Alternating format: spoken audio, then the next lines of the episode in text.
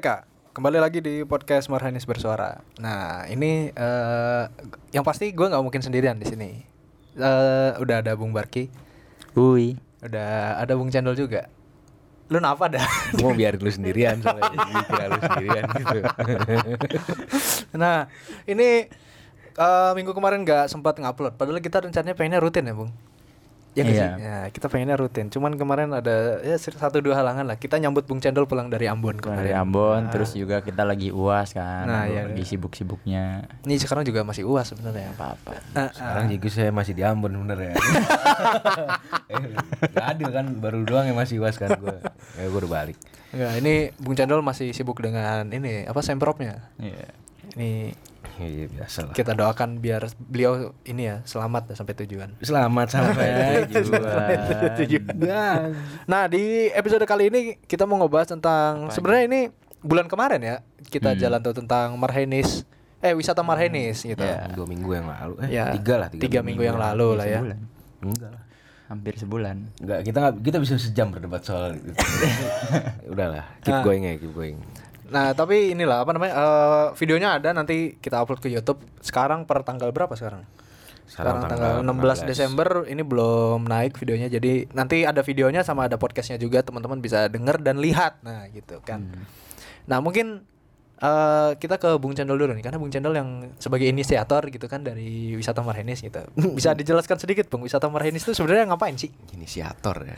inisiator. Terus Bung Cendol ini kata-kata baru semua ya. gitu. Tapi nggak masalah. Ya mohon maaf ini sebelumnya untuk para audiens gue baru bisa mengisi ke sini karena dua minggu yang lalu gue sempat ya ada kesibukan lah, ada hajat organisasi di mana kongres ya kan. Nanti kita bisa buka episode baru soal kongres itu. Nah, kalau ditanya apa sih maksudnya wisata Marhenis ini ya seperti yang selalu gue wanti-wanti buat kawan-kawan bahwa ilmu yang didapat dari buku dari ya wacana-wacana dari diskusi apa pun itu ya itu harus diperhalus ya kan? Harus diperhalus bagaimana ilmu itu bisa diaplikasikan ya kan? Karena memang dalam pisau analisa Marx kita sebagai orang yang mempelajari pemikirannya kita dituntut bukan hanya untuk melihat dunia untuk dapat melihat dunia, untuk menganalisanya, untuk menjelaskannya, bukan hanya sampai situ. Tapi kita juga dituntut untuk merubah keadaan sebagaimana yang kita kehendaki adalah masyarakat sosialis lah. Yo. Hey. Tapi ya intinya kita tidak hanya berhenti pada bagaimana menjelaskan, mampu menjelaskan, tapi kita juga harus mampu merubah di mana adanya ketimpangan, ada segala macam dan itu hanya bisa kita ambil pelajaran lewat praktik terutama.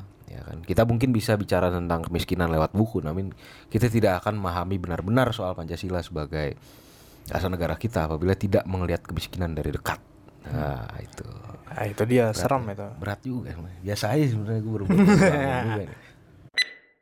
Ya, sorry, tadi habis ganti baterai. Nah, tadi eh, udah dipaparkan sedikit gitu kan sama eh, Bung Fahri gitu. Bung Cendol lagi manggil ya kan.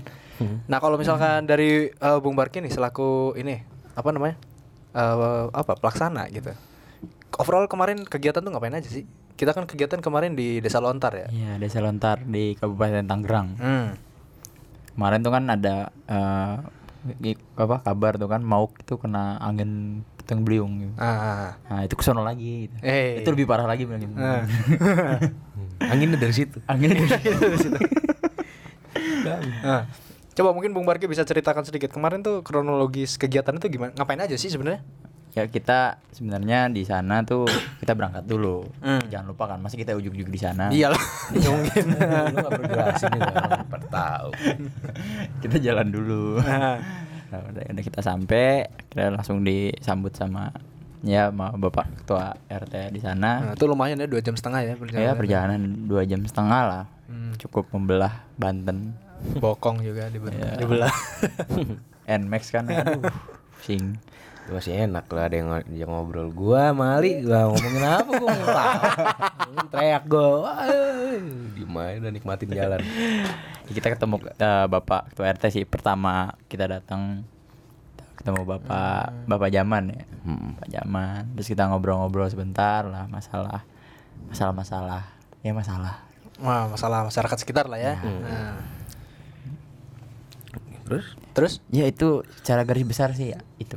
Secara Jadi garis kita sering ngobrol sama ya sama masyarakat terkait masalah-masalahnya masalah. Mas, masalah. Ya, berinteraksi lah Ah, mulai ya. ke situ kan dari pola interaksi itu kan lu bisa belajar buat kawan-kawan ini kan bagaimana membangun interaksi yang baik dengan warga dengan rahim lo itu loh Wah, gimana ya rahimnya mahasiswa. Ya kan, bahwa kita ini lahir dari suatu masyarakat yang ya bisa dibilang siapa gitu kan. Nah kita akan kembali ke sana untuk sebagai kelas menengah yang akan membangun sinergi yang baik. Nah itu persoalan itu persoalan. Bahwa mahasiswa dari kemarin kan kita juga ya ada kesempatan kita main ke DPR ada main kesempatan DPRD cuma eh, tendensi elit itu ya kan harus dinetralisir lah. Dalam artian kita dekat sama elit ya penting karena elit itu yang akan memegang kebijakan memegang arah penentu bagaimana distribusi kekayaan bangsa ini dikelola. Nah kita sebagai kelas menengah fungsinya ganda sebenarnya. Ada fungsi ganda di situ ya kan? Nah, kita harus mampu mensinergikan antara kawan-kawan masa marhaen dengan elit-elit yang memang memang memiliki kapasitas dan kapabilitas gitu kan? Bicara soal pemerataan. Nah kita juga itu salah satu pelaksanaan daripada panggilan ideologi kita untuk kita bergerak di tengah-tengah masyarakat mengadvokasi lah kepentingan mereka. Ini kita bukan berarti anti demo enggak. Namun saja demo itu apakah menyelesaikan masalah hal-hal yang seperti begini gitu. Hmm, kan belum ini tidak juga gitu ya. mendesak. Hmm. ini tidak mendesak. Kayak seperti kita sebenarnya ke sana tujuan saya untuk bicara mengajak kawan-kawan ke sana itu pertama ya untuk tadi ya seperti saya paparkan kedua ada urgensi di situ di warga situ tuh masalah urgensi pertama adalah soal kekeringan. Udah tujuh bulan gak hujan tuh ya tujuh katanya. bulan nggak hujan. Ya kawan-kawan melihat sendiri kan ke musola itu nggak bisa wudhu apa segala macam. Itu hanya bisa ya kawan-kawan mungkin pernah dengar cerita ini banyak lah tapi gue yakin kawan-kawan yang terlibat secara langsung ke situ bakal merasakan bagaimana lu mau sholat dan nggak ada air. Nah, dengan gitu lu memiliki keterpanggilan secara pribadi ya masing-masing kawan-kawan untuk bergerak. Alasan kawan-kawan bergeraknya itu. Ya mungkin kawan-kawan bisa baca koran baca buku untuk apa untuk mengetahui kondisi kemiskinan masyarakat.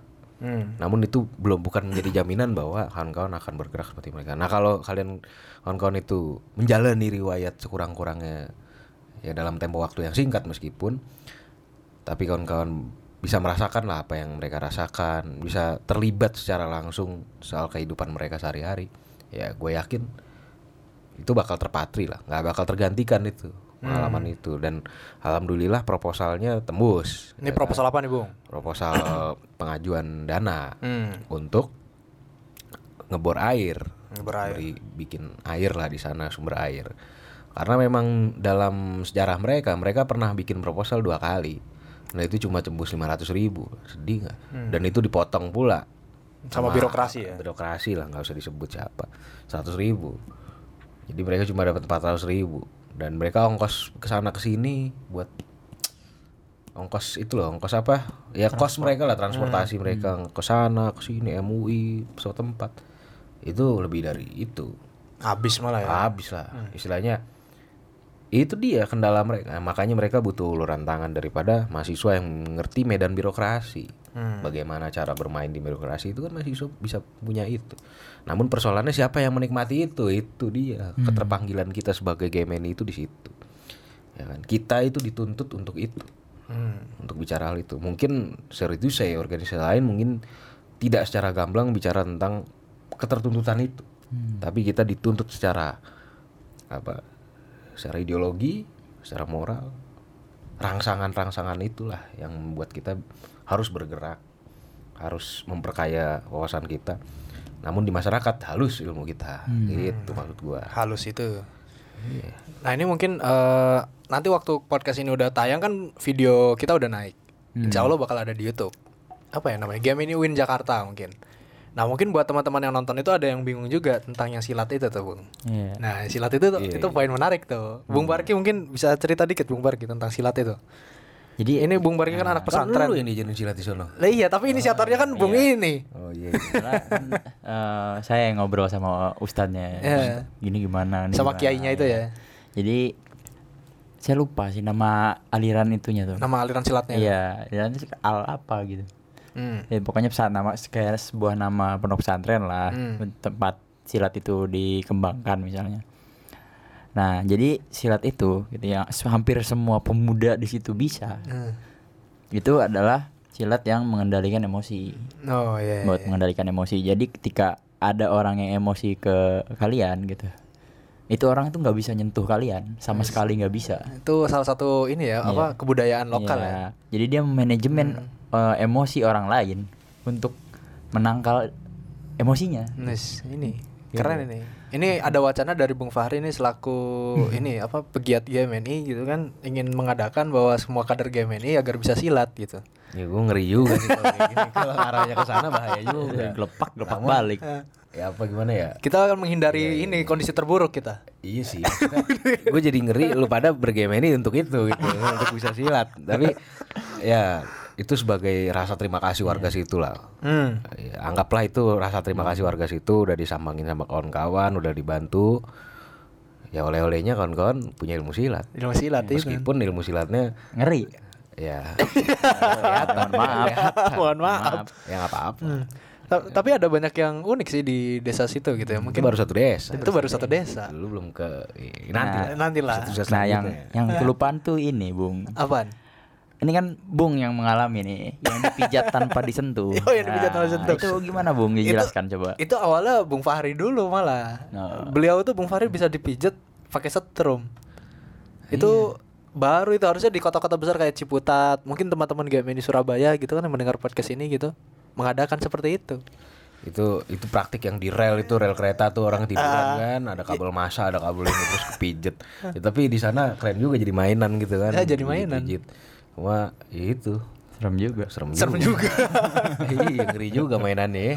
itu kalau kalau kena kulit lampunya agak redup plek iya jadi ya, lu jadi masa ya gitulah lu ngeri dah. Serem-serem Tapi keren sih maksudnya apa ya? Itu bisa jadi alternatif pijat baru tuh. Kaum kaum marahin ini bisa diakomodir gitu kan, diberikan pelatihan gitu, Bung. Bisa nggak Bung kira-kira tuh? ya bisa aja cuma apa sih Ya. banyak jadi banyak hal gitu ya Itu, itu sangat menjual bos. Hmm. Sangat menjual. Ih, tanpa cuma disentuh. Ah. Gitu. Eh kita bisa berdebat panjang soal ini. Jadi anggaplah itu sebagai kebudayaan lokal yang mungkin mereka akan melakukan formula sendiri gitu. Itulah ke- kekurangan sekaligus kelebihan mahasiswa gitu. Melakukan menganalisa sesuatu uh, analisis SWT dan memposisikan diri sebagai orang yang punya ilmu itu berbahaya juga. Itu akan menikam dirinya sendiri ya, gitu. Padahal di bawah masih banyak pengetahuan yang belum terjamah gitu ya. Betul. Jadi kita hadir sebagai mahasiswa itu bukan sebagai tidak menganggap orang yang kita temui di masyarakat itu sebagai objek analisa atau peserta didik. Hmm. Nah, itu berbahaya juga. Kita kita kan menjadikan pemuda itu menurut Syahrir itu kan harus berbaur masyarakat, bukan menjadi front yang menjadi intelektual organik seperti Gramsci, tapi dalam artian ya kita berjuang bersama masyarakat. Itu eh, tabu sih bicara soal perjuangan soal masyarakat, tapi yang kita lakukan kemarin ya sudah berjuang masyarakat. Ah. Jadi gua agak malas bicara lagi soal definisi karena kita udah masuk dalam praksisnya. Eh, memang ini gitu. serem ya. Ini. Tapi ada hal yang la- lain yang menurut gua ini apa namanya? Eh, Bung Fahri itu apa ya selalu bilang kalau organisasi itu harus hadir untuk teman-teman gitu selaku anggota gitu. Salah satunya dengan wisata Marhanis kemarin tuh gue jadi merefleksikan di kepala gue untuk judul skripsi malah Ngeri ya. ngeri ya gitu. Nah mungkin ini karena kebetulan orang yang ada di podcast ini bertiga ini adalah orang yang dari beda jurusan gitu kan. Bung Parki dari filsafat, Bung Fahri dari politik dan gua dari sosiologi gitu. Mungkin ada hal apa gitu yang bisa direfleksikan gitu Bung dari kemarin kita wisata Marhanis itu. Mungkin siapa nih? Bung Fahri dulu mungkin dari anak politik gitu. Kira-kira ada yang jadi bahan analisis gak sih kemarin tuh? Ya ada. Jadi kalau dari analisa politik ya, eh, budaya politik ya terutama. Nah ini juga bisa dilihat bahwa segala macam hal ihwal mengenai politik itu sebenarnya adalah bagaimana penguasaan soal ekonomi. Ya di situ desa lontar itu kan ada PLTU Hmm. yang dimiliki oleh Yusuf Kala sebenarnya. Nah persoalannya adalah eh, di desa lontar itu ketik kemarin itu kebetulan ada pemilihan ketua desa, kepala desa. Hmm. Nah itu dalam analisa politik kepala desa itu ah kebijakannya untuk siapa lah istilahnya begitu Hmm. kan bagaimana formulasi bagaimana eh, visi misi yang akan dibangun daripada desa lontar itu nihil semua Pak. Hmm. sederhana karena kepala desa yang naik itu semua itu bukan orang lontar istilahnya hanya orang-orang luar yang melihat potensi desa lontar ini memiliki PLTU dan memiliki akses untuk eh bargaining politik lah dengan pejabat-pejabat di desa lontar itu. Pejabat-pejabat eh bukan pejabat apa pengusaha-pengusaha di PLTU tapi persoalannya adalah orang-orang yang dipercaya orang-orang yang di ini suatu anomali juga. Orang-orang yang dipercaya orang-orang yang dihormati lah yang dianggap dapat membawa perubahan ke desa lontar justru tidak mencalonkan diri Hmm. dicalonkan iya tapi dia tidak mencalonkan diri. Kenapa? Ya kita itu datang kok orang yang mau dicalonkan kemarin. Ya, ya. itu pak pak rt-nya itu. Nah tapi persoalannya adalah itu dia. Kadang struktur politik itu berbenturan dengan tradisi politik. Hmm. dengan pendekatan budaya. Bahwa ya hanya dengan struktur gitu kan. Kalau dalam kacamata politik praktis gitu ya. Dengan meng- hanya dengan menguasai struktur maka kanal-kanal politik itu bisa diamankan dengan ke- dari kepentingan-kepentingan yang merugikan. Hmm. tapi kan di situ justru orang yang dipercaya bisa memperbaiki lah struktur politik yang ada justru memposisikan diri sebagai orang yang dituain aja di desa. Nggak mau mereka maju. Siapa pun yang maju ya yang penting gitu-gitu aja gitu loh. Maksudnya orang yang dipercaya oleh masyarakat untuk apa untuk merubah kondisi desa itu menjadi lebih baik justru memposisikan dirinya tidak masuk dalam orbit politik. Nah itu suatu anomali. Ya, ya, ya. nah itu satu. Yang kedua adalah eh dinasti politik tidak selalu buruk. Itu juga persoalan. Dinasti politik tidak selalu buruk. Kenapa dinasti politik tidak selalu buruk? Ini empirik kita bicara bahwa lebih baik politik itu berdinasti apabila eh, ada unsur-unsur ya. Misalkan bapaknya ini memang membangun desa dengan baik gitu kan. Terus anaknya ini juga menjalani riwayat sebagai orang desa dan dia akan melanjutkan pembinaan dari ayahnya gitu dengan visi misi dengan ini. Tapi dia yang penting adalah menjalankan riwayat sebagai orang desa. Sedangkan struktur politik terbuka yang seperti yang dialami di Gojek Lontar itu justru nggak menjamin juga Hmm. bahwa dengan dibukanya keran demokrasi masing-masing ini memaparkan gagasannya mengenai desa lontar akan lebih baik. Nggak ada nihil juga. Jadi poinnya adalah sistem politik dinasti dengan sistem politik terbuka seperti demokratis itu. Ya dalam taraf tertentu sama aja.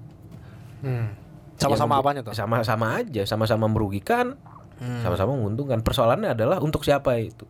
Untuk siapa ini memimpin? Persoalannya. Politik dinasti nggak selalu buruk. Apabila yang diorientasikan dalam pemimpinannya adalah masyarakatnya konstituennya nah, kalau ya kok jadi kemarin kan ada enam calon kepala desa tidak ada satupun yang bicara soal desa lontar. Hmm. Nah, itu kan buruk juga. Malah adanya kita dikasih rokok sama korek itunya ya, calonnya ya. aneh kan? Ya lucu gitu loh. Itu anomali juga temuan yang menarik gitu. Silakan dilanjutkan.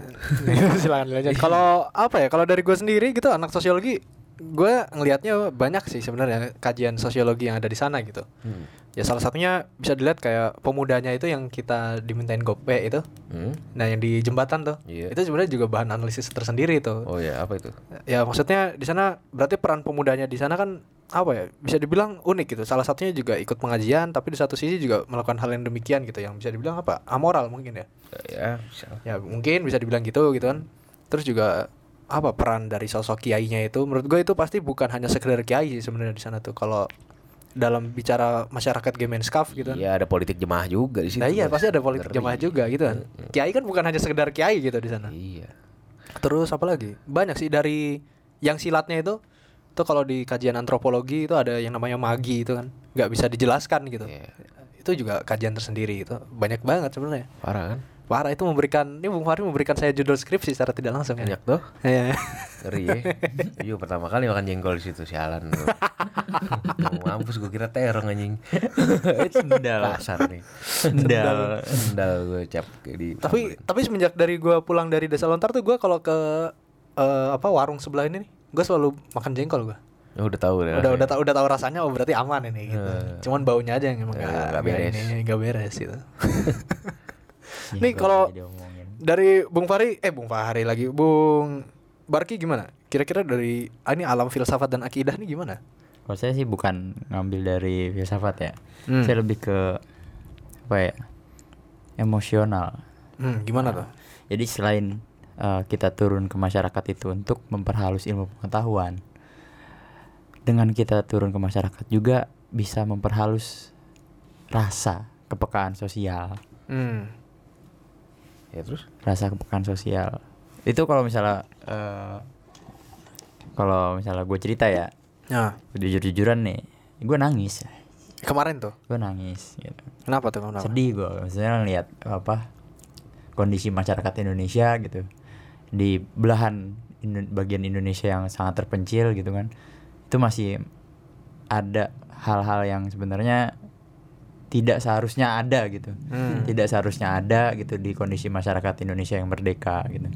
Yang mana kita yang hidup di Ciputat di perkotaan misalnya Hmm.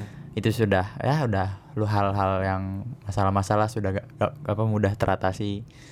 Tapi di eh, belahan Indonesia belah sana banyak yang belum teratasi gitu. Jadi itu juga melatih kepekaan sosial juga gitu. Akhirnya ini parah juga sih kalau misalnya mahasiswa masih seorang mahasiswa gitu turun ke masyarakat melihat ketimpangan-ketimpangan tapi hatinya tidak tergerak nah itu sudah dipastikan dia adalah seorang penjilat Yes, ini sudah udah udah panas sih omongan udah seorang penjilat Ya kan? Jadi gini, Jilat. mahasiswa kan sebenarnya kata kalau saya sering diskusi sama Bung Fahri ya, Hmm. mahasiswa itu kan apa kelas menengah, ya. dia bukan perpanjangan tangan penguasa dan dia pun bukan eh, jadi harusnya turun ke bawah ke- dari bawah ke atas kan, Hmm. bukan dari atas ke bawah. Jadi makanya Soekarno menyebutnya bahwa saya adalah penyambung lidah rakyat, gitu. nyambungkan lidah rakyat ke atas. Atas. gitu. Ini emang sangat-sangat filosofis ini. Terus eh, oh, tapi ini si di sisi lain tuh kemarin ba- dari gua yang pulang dari desa Lentar tuh gua waktu melet ngeliat lidah gua kuning. Ya kerjaan di sana cuman apa sih? Beli jamu, minum jamu. Minum jamu. Ya, oleh itu. Oleh. Itu jamu tuh sebenarnya gimana sih Bung jamu tuh? Ya, jamunya dari jauh barat, dari Bandung, di situ didistribusi sebelum distribusi didoain dulu. Hmm. Di manakib dulu berat juga kan. Masa jamu ya kan kasihat yang pertama mengobati pengo- eh, penyakit non medis. gak beres gue bilang. Ini gak beres ini. Wah, ini gak beres nih kan. Serem ya. Serem. Kalau jamu-jamu yang gue nggak bilang itu ini kan. Jamu depan nih, depan bilang sudah muncul ya kan. Mengobati begelinu ini. Ini enggak ini mengobati Ya, penyakit non pertama. medis. Berarti kan pikiran gua ada orang muntah paku ya kan.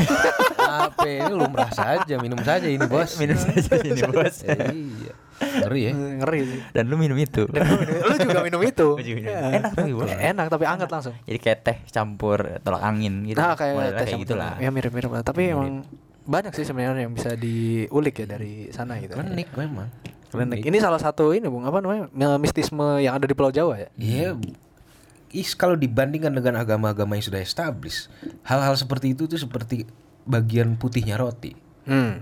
Ah, Islam, Kristen, Nasrani dengan agama ya agama yang dari Ero- Eropa lah gitu kan. Hmm. Itu semua kecuali Hindu dan Buddha ya. Hmm. Itu adalah pinggiran roti saja. Hmm. Itu dalam pra- sejarah peradaban Indonesia itu hanya pinggiran roti. Dan yang ini yang harus kita gali gitu loh. Rotinya ini, putihnya ini loh. Hmm. Harus kita gali apa sih? Kita harus temukan di tengah-tengah masyarakat. Nah, salah satunya ya ya nggak mungkin masyarakat menemukan kita, kita yang harus mencari. Ya, Kita harus kok, mencari. Yang mahasiswa yang kita kok.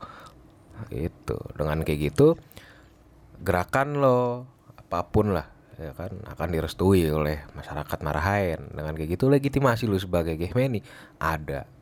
Lu ngomong apa juga bisa jadinya. Oh, kita udah turun gitu ya. gue udah turun di masyarakat ya kan. Buku tapi menurut buku ya gimana gitu kan? Ya, bukan menurut buku ya kan? Haluslah ilmu lu itu bisa jadi ilmu terapan coba. Berani kita dangak pala kan? Hmm. semua kawan-kawan game anyway harus berkarya dong. Ya sudah karya kita ada gitu kan. Apa perlu karya kita yang berbicara? Wis, mengenai ini. kita kan itu persoalan. Iya, iya. nah itu adalah yang membangkitkan kepercayaan diri seorang marhaenis. Marhaenis ya? Iya. Harus kawan-kawan dulu yang percaya diri. Baru nanti para marhaennya diberi ke, di convince ya dengan itu saling percaya diri kan jadinya. Eh, lu dulu sebagai tonggak utama gerakannya itu dulu poros itu. Memiliki kepercayaan dirian untuk membuat perubahan nah baru.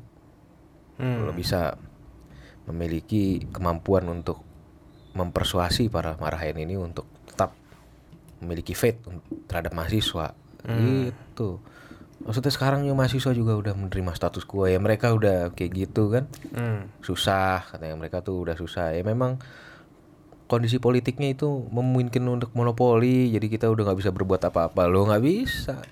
Hmm. eh jangan. Kita jangan hanya berhenti menafsirkan persoalan tapi juga harus merubahnya. Masyarakat marahin itu berdasarkan kondisi susah itu bukan karena pilihan mereka bos. Karena sistem ya. karena sistem. Nah yang mengenali sistem dan medan birokrasi siapa? Ya kita. Kuncinya dari mana? Kita. Tapi jangan seolah-olah kita datang sana sebagai juru selamat kan begitu. Itu seninya ada itu seni gerakan itu. Gitu bos. Lu nggak pada kayak kayak gue ceramahin nih. Ya, iya santai aja pak kemarin sama gua. Abis madang biasa. semadang habis ya. madang. Ini Bung Barki habis bikin mie, Yan. Lu abis makan. Lo habis makan. gua habis stalking dut Itu eh, habis stalking rekan podcast saya sebelah, gitu, di sebelah. Coba, coba, coba. Nih Bung Barki udah ngasih aba-aba bakal ngeramahin gua habis ini kayaknya. Bentar lu jadi gak harmonis nih hubungan gua nih kawan Ya, jadi gitulah Bung. Saya tuh jadi punya podcast yang lain gitu di samping ini gitu kan. Ya ah Gak ada yang lain aja omongannya Jadi begini udah. bos Ini Gimana? maksudnya gue ngasih tahu lu Bisa tamar Henis yang ini kalau berhasil Kan ke depan kalau kita ada desa lagi Kita memiliki basis legitimasi yang kuat Kita Nah. sudah membangun desa yang ini hmm. Oh iya Tinggal gimana caranya kita Kaderisasi kaderisasi. Iya Maksudnya Stalking itu kaderisasi maksudnya nih. Lah iya. cocok nggak gitu. Eh, gitu. Gak usah ke sana lagi, gue gamparin gamparin nih Ini gak harmonis hubungan gue Cowok kan, cowok kan. Apa kabar lu? Cowok. Hancur kita berdua. Apa kabar lu katanya Jadi apa?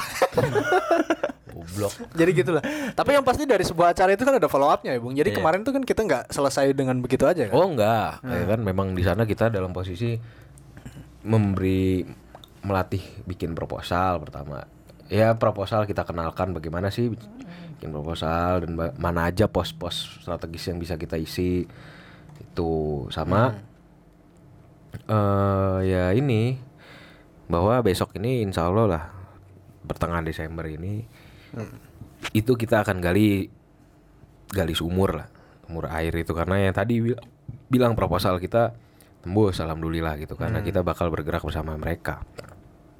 Buat mencari sumber air itu. Hmm. ya sebenarnya bisa aja kita kasih duitnya gitu kan. Hmm. tapi kan di mana keterlibatan kita gitu kan? Kita harus tuntas dong bergerak. Masa cuma setengah-setengah kan? Nah, jangan cuma sampai taraf ini taraf itu ya kita harus sampai tuntas bahkan kita harus follow up nanti hmm. kalau bisa malah kita ikut gali ininya. Ya emang harus itu mah kenapa? Harus, ya harus. kan? Kalau perlu nanti lu nyemplung udah dalam belum? Coba nyemplung sama mampus lu. Enggak balik lagi. Tumbal. 100 meter gitu kan. Katanya kalau di sana tuh 40 50 aja masih belum dapat ya. belum, ada itu belakang itu 90. An- Iya, 80 itu asin. 90. Dan dia harus di tengah-tengah kalau lebih agak air kurang kurang dalam Hmm. dia itu merah airnya. Kalau kedalaman asin. Hmm. Karena ini kan infiltrasi kan air laut dekat laut kan. Iya, iya. Nah, jadi harus di tengah-tengah antara air merah dengan air asin tuh. Mampus lu gimana ceritanya tuh in- sintesa. Ya nggak apa-apa gitu. Besok kita cek. Bisa kita cek. Nah mungkin eh, ini kita udah di penghujung podcast nih karena mungkin kita cuma cerita-cerita dikit aja sih tentang kemarin kita Iya, jalan-jalan. Nanti nutriensinya kita tulis lah teman-teman kita. Teman-teman kita Bisa nanti kita tulis. ditonton lah sekarang mah. Eh, bisa ditonton di- ada di YouTube eh, Gemini Win Jakarta. Insya Allah. Nih Bung Barki mungkin ada closing statement mungkin. Tumbuhkan kepekaan sosial Anda sebagai wujud tridharma perguruan tinggi gitu loh. Hmm. Jangan masuk game ini ya. Dia masuk Gemini. Harus sih. Harus lah. Maksudnya ya Harus wajib sih. gimana. Oh iya iya.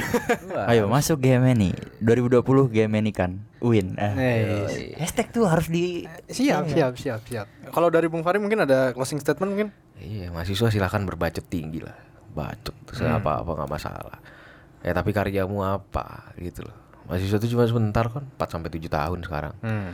Ya kan? Sayang banget waktunya sebagai mahasiswa sebagai kau ini di kelas menengah gitu. Setelah kau tidak mahasiswa lagi kan entah lo jadi siapa kan? Entah lo jadi kelas bawah, Atau kelas yang atas. Atas. atau kelas atas. Atau terombang ambing tidak di mana-mana. Hmm. karena kau tidak memanfaatkan peranmu secara maksimal ketika mahasiswa. Maksudnya inilah saatnya itu bermahasiswa lah. Secara konsisten lah apa ya? Ya bukan Progresif. bukan nggak gue nggak bilang progresif juga sih. Maksudnya itu terlalu slogan sloganism. Males gue gue males bicara slogan gue oh mahasiswa progresif. Wih, revolusioner bullshit lalu ngapain gitu?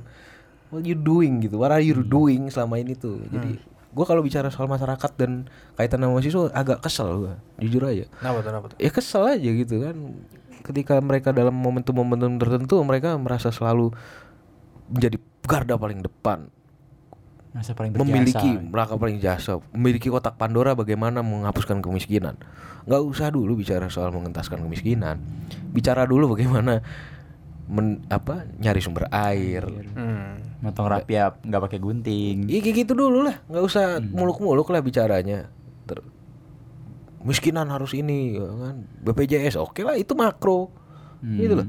Coba lu ajarin masyarakat itu bisa biar mandiri. Dengan bikin proposal misalkan bikin proposal apa? Ya proposal pengajuan.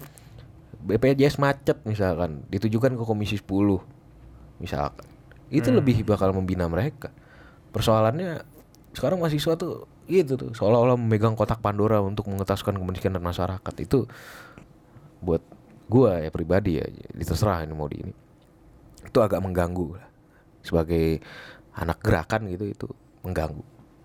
Jadi saran gua lakukan hal kecil tapi itu membina ketimbang hal besar tapi dampaknya hanya jangka pendek gitu. Apalagi kalau hanya sebatas omongan doang ya. sebatas omongan sebatas selebrasi dan menjadikan masyarakat marahin sebagai unit analisa doang Hmm.